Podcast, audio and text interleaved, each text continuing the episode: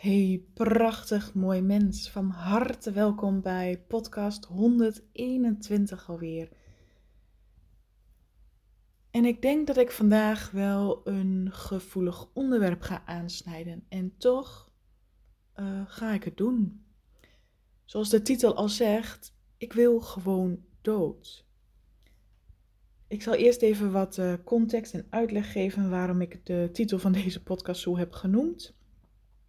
Ik had een tijdje geleden een post geplaatst waarin ik vertelde van stop met jezelf te verstoppen. Stop met jezelf klein te houden. Het is tijd dat we onze eigen grootheid gaan erkennen. Het is tijd dat jij durft te gaan staan voor wie jij bent. Weet je, dat jij, pam, hier ben ik. Ik mag er zijn. Want het leven is niet bedoeld op aarde om je hele leven te vluchten, om je hele leven te lijden en om je hele leven te verstoppen voor alle pijn en angsten. Jouw leven is bedoeld, de kracht waarmee jouw ziel hier op aarde is gekomen om die pijn te mogen overstijgen. Om de les te mogen begrijpen en daardoor verlichting te mogen hebben. En ik had ook in die post geschreven van jouw natuurlijke staat van zijn is groots, is licht, is liefde. Dat is wie jij bent in de kern. En alles wat jij niet voelt, dan ben je dus niet afgestemd met jouw ware zelf in de kern. Maar waarschijnlijk, zeer zeker weten, met jouw ego en al haar angsten, identiteiten en pijnen wat je hebt aangeleerd of overgenomen. Ik ben er absoluut van overtuigd, gezien mijn eigen innerlijke reis en gezien ook de klanten die ik mag coachen en begeleiden, dat het de bedoeling is dat wij onze pijn mogen helen, transformeren en loslaten. Hoe meer je dat begrijpt en hoe meer je dat ook gaat doen op een manier van uit het bewustzijn, is het onmogelijk dat de pijn daardoor groter en sterker wordt. Nu kreeg ik een reactie op mijn post van iemand die zei: Maar eerst de blokkades helen. En met haar reactie was ik het deels ook mee eens. Want hè, we mogen soms ook, come on, weg met al die beperkingen, weg met al die ego-gedachten die je saboteren en tegenhouden. Ga in jezelf geloven. Ga staan voor wie jij in de kern bent. Connect jou met je grootheid. En terwijl je dat doet, ontmoet je ondertussen je pijn, je trauma's, je wonden, je angsten en alle emoties die daar liggen opgeslagen. Dus het is voor mij een en-en. Elke keer als jij groeit, en heel veel mensen denken ehm, dat ze iets fout doen, maar op het moment dat jij groeit innerlijk, stuit je tegen nieuwe blokkades, tegen nieuwe ego-gedachten aan. En dit kan in het begin heel overweldigend zijn van, hey, wil ik groeien? hey, heb ik nieuwe stap gemaakt? Voelt alles heel onrustig in mij? Dat is normaal. En het feit dat jij van daaruit bewust en alert bent van, hey, ik voel het ego, maar ik kies ervoor om toch die stap te zetten. Terwijl heel veel mensen denken, hé, hey, ik wou die nieuwe stap zetten, maar alles wiebelt en wabbelt zo in mij en ik voel me zo onrustig, ik zet weer een stapje terug. Ik doe het toch maar niet. Dat is het uiteindelijke doel wat het ego wil bereiken, dat jij weer een stapje terugzet. Maar het feit dat jij die um, chaos in jouzelf en de veranderingen in je omgeving waarneemt zonder daarin mee te gaan, dat is de kracht van het bewustzijn, het opmerken en het kiezen om daar niet in mee te gaan. Dat is groei. Jezelf groeien, afscheid nemen van bepaalde beperkende overtuigingen, bepaalde patronen, dus jezelf continu naar beneden halen, jezelf het extra zwaar of moeilijk maken, hard zijn voor jezelf. Als je daar afscheid van neemt en besluit, ik ga vanaf nu goed voor mijzelf zorgen. Ik besluit om vanuit liefde er voor mezelf te gaan zijn. Dat zijn prachtige keuzes, prachtige groeimogelijkheden die jij, hè, die jouw ziel als het ware met open armen ontvangt. Van wauw, dat is wat jij jezelf mag gunnen. Maar het ego die dan zo kan gaan stuiteren.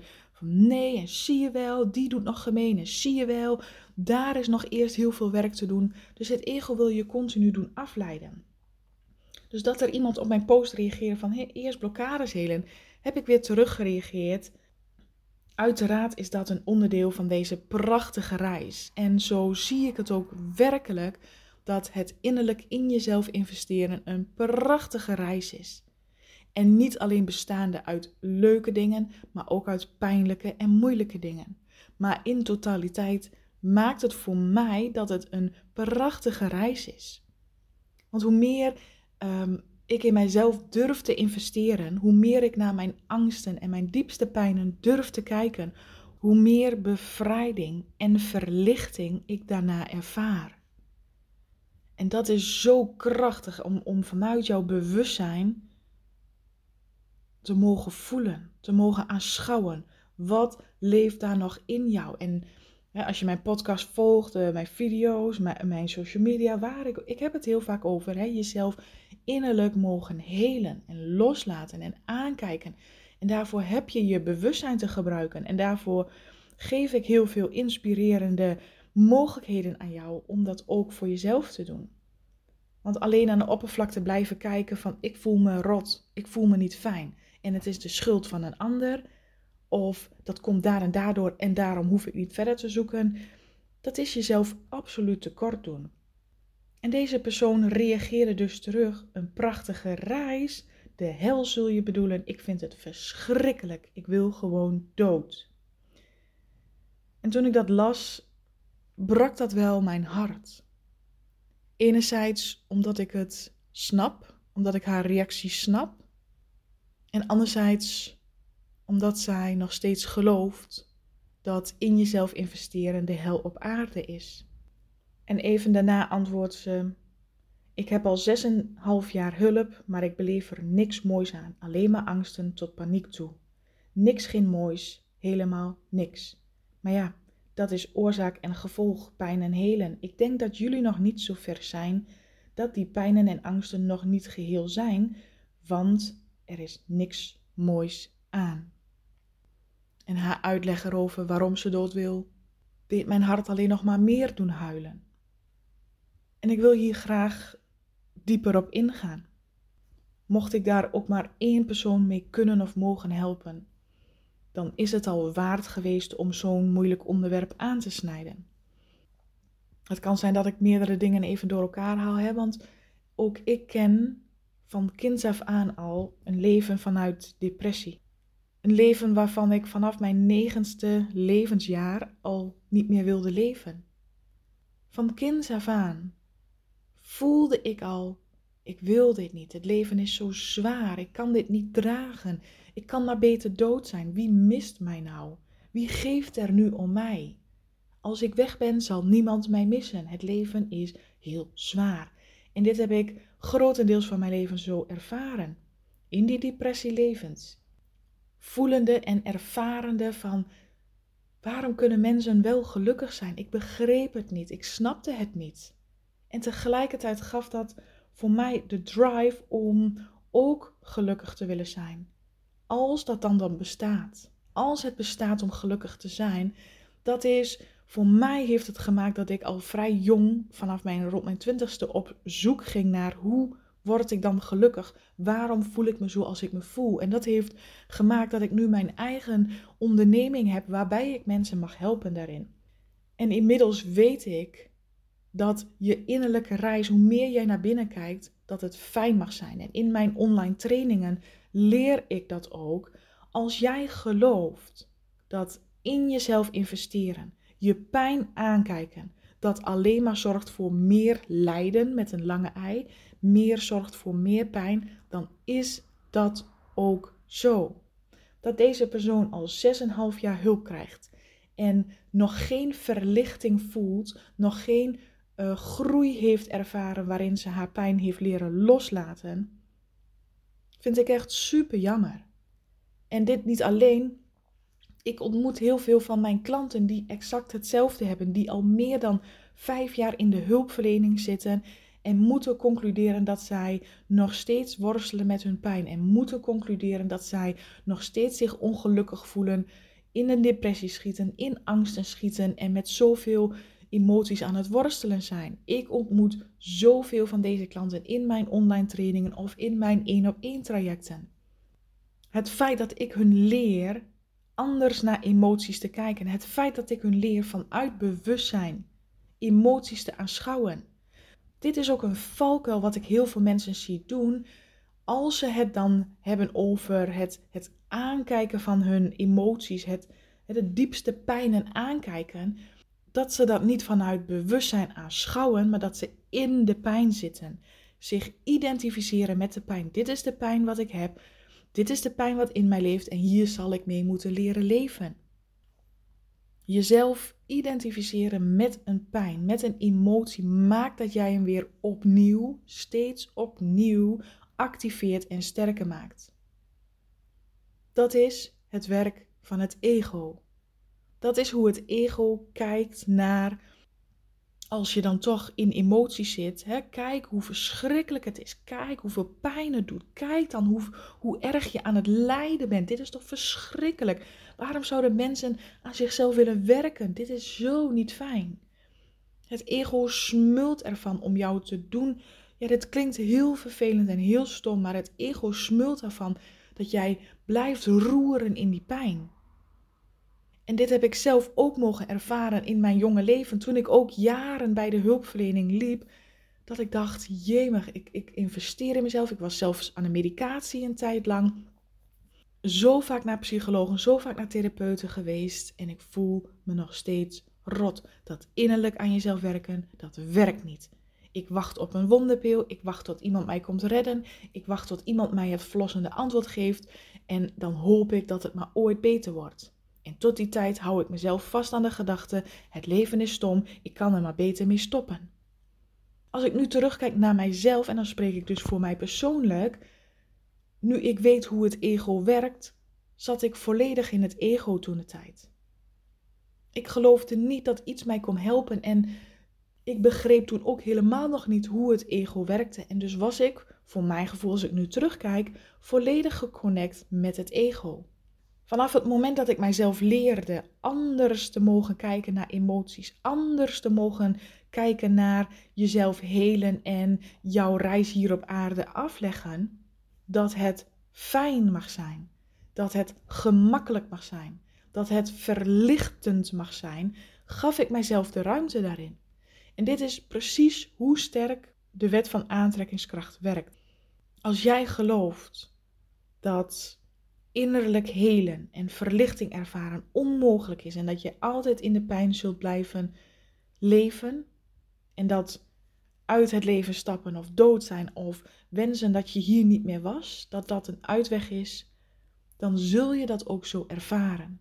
Dan zul je vanuit het brein en het ego gestuurd dat ook steeds aan jezelf bevestigen. Zie je wel, het leven is zo zwaar. Zie je wel, er gebeurt allerlei ellende in de wereld. Wat doe ik hier nog? En ja, ik weet, het is een, een, een tussen aanhalingstekens zwaar thema. En tegelijkertijd hoeven we er niks zwaars aan te maken, want dit is wat heel veel mensen best wel eens vaak denken. Wat heeft het nog voor nut hier op aarde? Wat als hè, de aarde lijkt soms wel zo verrot en zo um, pijnlijk en, en mensen kunnen haast niet meer lief zijn voor elkaar. En mensen kunnen bijna niet eens meer elkaar het licht gunnen in de ogen. Als je om je heen kijkt, voel je ook gewoon de haat en de jaloezie en de boosheid en de korte lontjes van een ander. En toch, en toch, als je dit herkent, is er een andere mogelijkheid. Want nogmaals, daar waar jij op afgestemd bent, hoe kan ik dat het beste uitleggen? Stel, stel jij wandelt in het bos. En het bos is rijk aan bomen en kleuren en levendige wezens en prachtige plaatjes van de natuur. En stel dat in dat bos één boom staat die kapot is, gebroken is, slap hangt. En jij kijkt de hele tijd naar die ene boom. Die ene boom die kapot is en slap hangt. Kijk dan, die blaadjes, ze zijn helemaal bedorven en het hout, het is helemaal verrot. En die boom, hangt scheef en nou, één één windvlaag en misschien valt hij wel en dan komt hij natuurlijk net op iemand zijn hoofd terecht. Wow, je kunt daar toch iets bij voorstellen, hè? Dat je helemaal in dat plaatje duikt. Terwijl je dat doet, terwijl je naar die kapotte boom kijkt, zie jij niet meer de rest van het bos. Zie jij niet meer hoe de andere bomen wel prachtig zijn. Zie je niet meer hoe de blaadjes van de andere bomen wel groen zijn. Zie je niet meer hoe uh, ergens anders in een andere boom een prachtig eekhoorntje is en hoe de vogels fluiten. Dat zie en hoor je niet meer, omdat je alleen maar kijkt naar die ene verrotte boom. Dus waar jij op afgestemd bent, als jij in jezelf, innerlijk, afgestemd bent op jezelf voortdurend omlaag halen, negatief zijn naar jezelf, jezelf continu veroordelen, hard zijn op jezelf, hard zijn naar de ander, de lat hoog leggen. Het uiterste van jezelf vragen. Als je daar in jezelf continu op onbewust niveau op afgestemd bent, is dat ook hoe jij van daaruit door de ogen naar de wereld kijkt. Dat de wereld hard is, dat de wereld slecht is, dat er altijd iets is om over te oordelen, omdat dat innerlijk in jou ook leeft, zo binnen, zo buiten. Als iemand dan tegen mij zegt dat innerlijk aan jezelf willen werken verschrikkelijk is en dat je maar gewoon dood wil, ja, dan kan ik die persoon alleen maar heel veel liefde sturen. Heel veel kracht en wijsheid sturen. Dat ze zichzelf de bevrijding mag gunnen. En misschien voelt het als jij deze podcast luistert, als je dit misschien herkent, wanneer je gevangen zit in een negatieve, saboterende, vernietigende patroon naar jezelf toe, dan is de enige weg eruit jezelf een nieuwe weg gunnen. Want als de weg van jou is dat het leven hard is, dat het leven zwaar is, dat je elke dag moet lijden onder de pijn die je hebt, als dat jouw overtuiging is, dan zul je dat ook elke dag zo ervaren.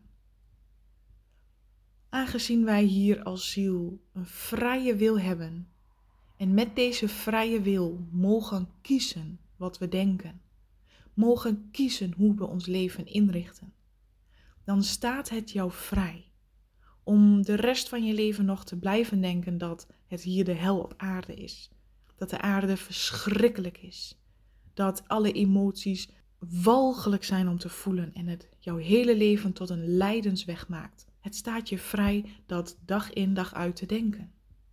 Maar het staat je ook vrij om jouw gedachten over het leven en over jezelf te veranderen. Want wat als jij, zoals net in dat voorbeeld, niet continu naar die bedorven, verrotte, kapotte boom kijkt, maar leert kijken, loskomen van dat plaatje van die boom, loskomen van die zuigende focus dat je alleen maar die kapotte boom ziet. Maar wat als jij jezelf de ruimte gunt, de bevrijding gunt, om ook naar het rest van het plaatje te kijken, om om je heen te mogen kijken. Maar wat als het leven niet alleen zo akelig is? Wat als er in mijn leven ook iets moois te ontdekken valt? Wat als ik mijzelf mag uitdagen en uitnodigen om te leren kijken naar de mooie dingen? Om te leren kijken naar hoe kan ik het voor mijzelf zo fijn als mogelijk maken om los te laten, om te helen, wat als ik mag geloven dat innerlijk in mijzelf investeren een fijne, prachtige reis is, waarbij ik elke emotie die ik oprecht vanuit bewustzijn aankijk, ook daadwerkelijk kan helen en loslaten. Wat als de reis daardoor alleen maar makkelijker en mooier en fijner en lichter wordt? Wat als ik om me heen mag kijken en nieuwe overtuigingen mag aannemen? Dat ik niet anders of raar ben, of dat het me nooit gaat lukken, of dat ik het niet waard ben. Maar wat als ik mijzelf mag gunnen om het wel waar te vinden? Wat als ik het mezelf mag gunnen dat ik anders mag gaan geloven over mijzelf? Hoe bevrijdend zou dat zijn? Jij, die als ziel een vrije wil hebt in wat jij mag geloven. Want dat wat jij gelooft, zo zul jij het ook ervaren in jouw leven. En dit is exact zoals ik het heb mogen ervaren in mijn eigen reis. In mijn tien jaren waarin ik alleen maar aan de dood kon denken, dan was ik verlost van de pijn. Want het ongelukkig voelen, het afgedraaid zijn van mijn eigen licht, was zo pijnlijk. Maar op het moment dat jij weer lichamelijk, figuurlijk, energetisch weer terug kunt draaien naar jouw innerlijke licht, de kracht van jouw hart, want dat is wat we uiteindelijk doen als we ons depressief voelen, als we vol in angsten zitten en vol in ehm, het ongelukkig voelen, ben je afgedraaid van jouw eigen licht. Ben je uit verbinding met jouw ware zelf. Het is aan jou, jouw vrije wil, of jij besluit weer terug de verbinding te maken, of je hele leven in een lijdensweg blijft leiden. Als je nu denkt, ja, maar ik kan er niks aan doen, dan hoop ik dat je nog een keer overnieuw mag denken. Jij kan alles, maar dan ook alles wat je wenst veranderen. Het zal niet van de een op andere dag gaan. Het zal niet in een vingerknip gaan. Het zal ook niet zo zijn dat een ander jou kan verlossen. Dat heb je uiteindelijk zelf te doen. Maar het mag wel zo zijn dat een ander je kan inspireren. Dat een ander je hulpmiddelen en handvaten kan geven waar je mag beginnen. En als ik één ding, mocht je dit herkennen, aan je door mag geven, is dat je leert jouw eigen vernietigende gedachten te herkennen. Elke keer als jij denkt, wat is het leven verschrikkelijk. Dan weet dan, denk terug aan het ene plaatje dat jij alleen maar aan het kijken bent naar die ene kapotte boom. Maar dat er ook altijd, echt waar, altijd ook de schoonheid en de mooie dingen van het leven zijn. En dat jij dus daarin een vrije keus, een vrije wil hebt om te kiezen, je focus te verleggen. En als je dat doet, ik begon het op enig moment te zien als een spel, want ik nam mijn leven heel serieus. Elke pijn, elke verdrietige situatie, elke wond wat ik zag in het leven, dat nam ik, zoog ik als het ware in me op. Totdat ik begon te spelen met het leven. Te spelen in de zin van: oké, als mijn gedachte hierover zo hardnekkig is, hoe kan ik mijzelf dan zo ver krijgen door een nieuwe, andere, lichtere gedachte aan te nemen?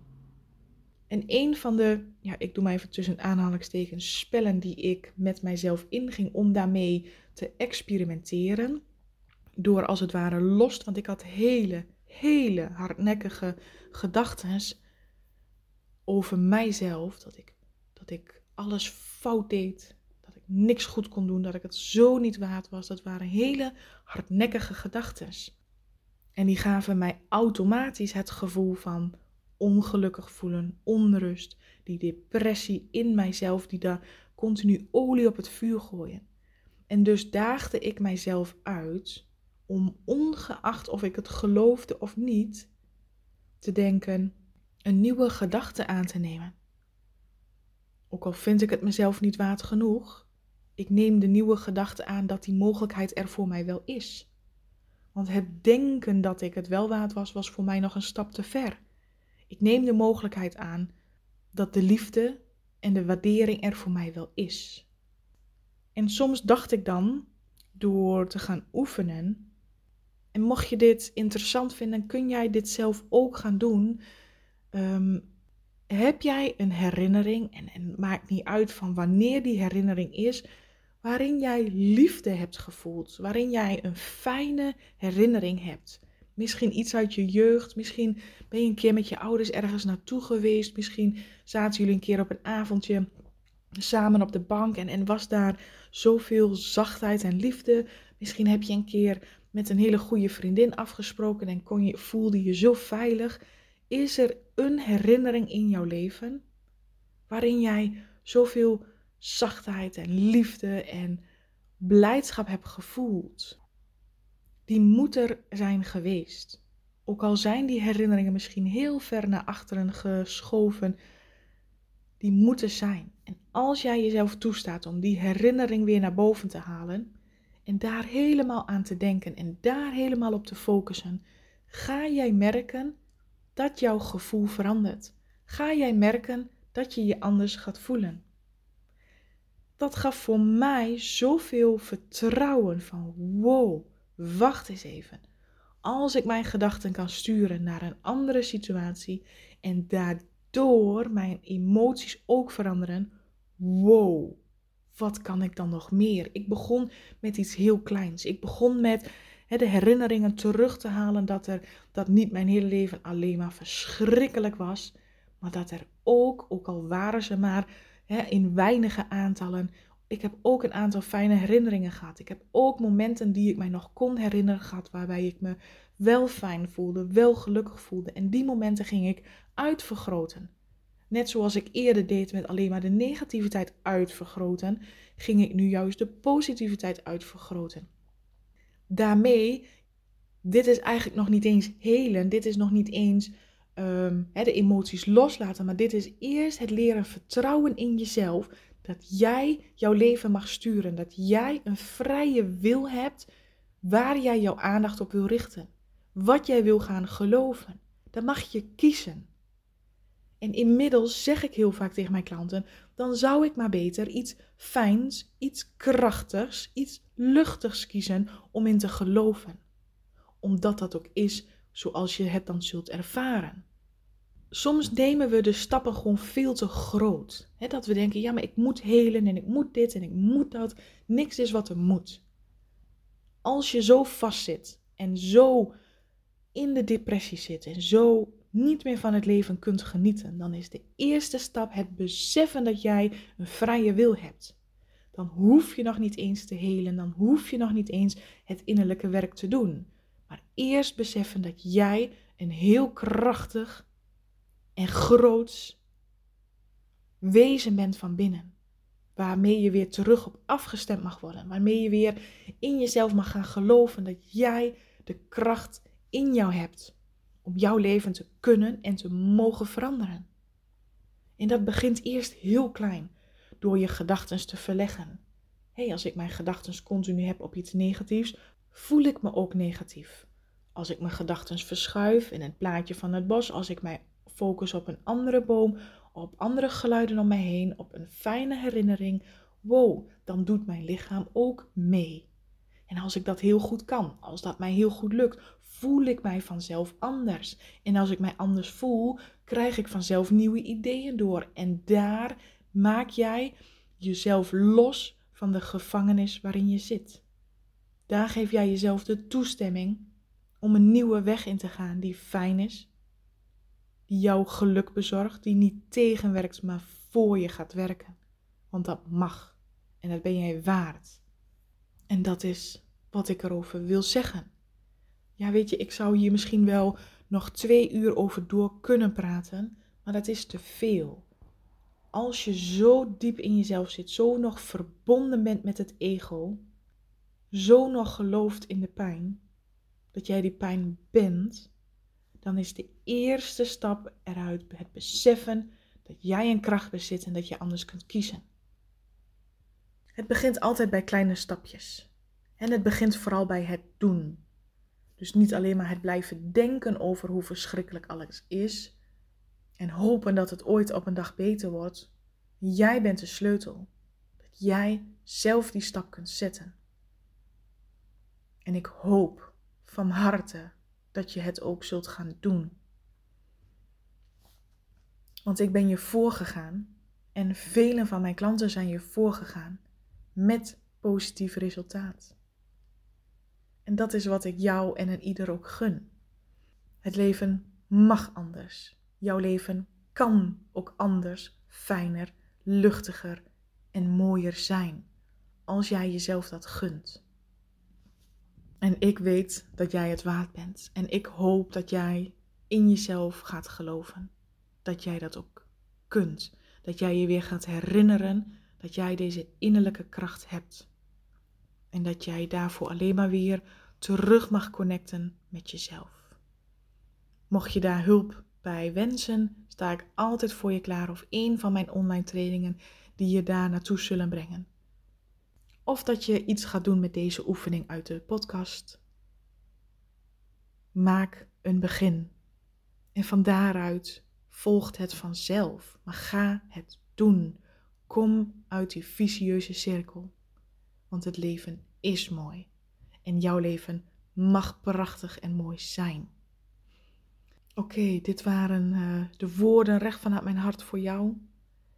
Ik hoop dat ik je heb mogen raken, heb mogen inspireren. En Bedankt voor het luisteren en een hele fijne, liefdevolle dag.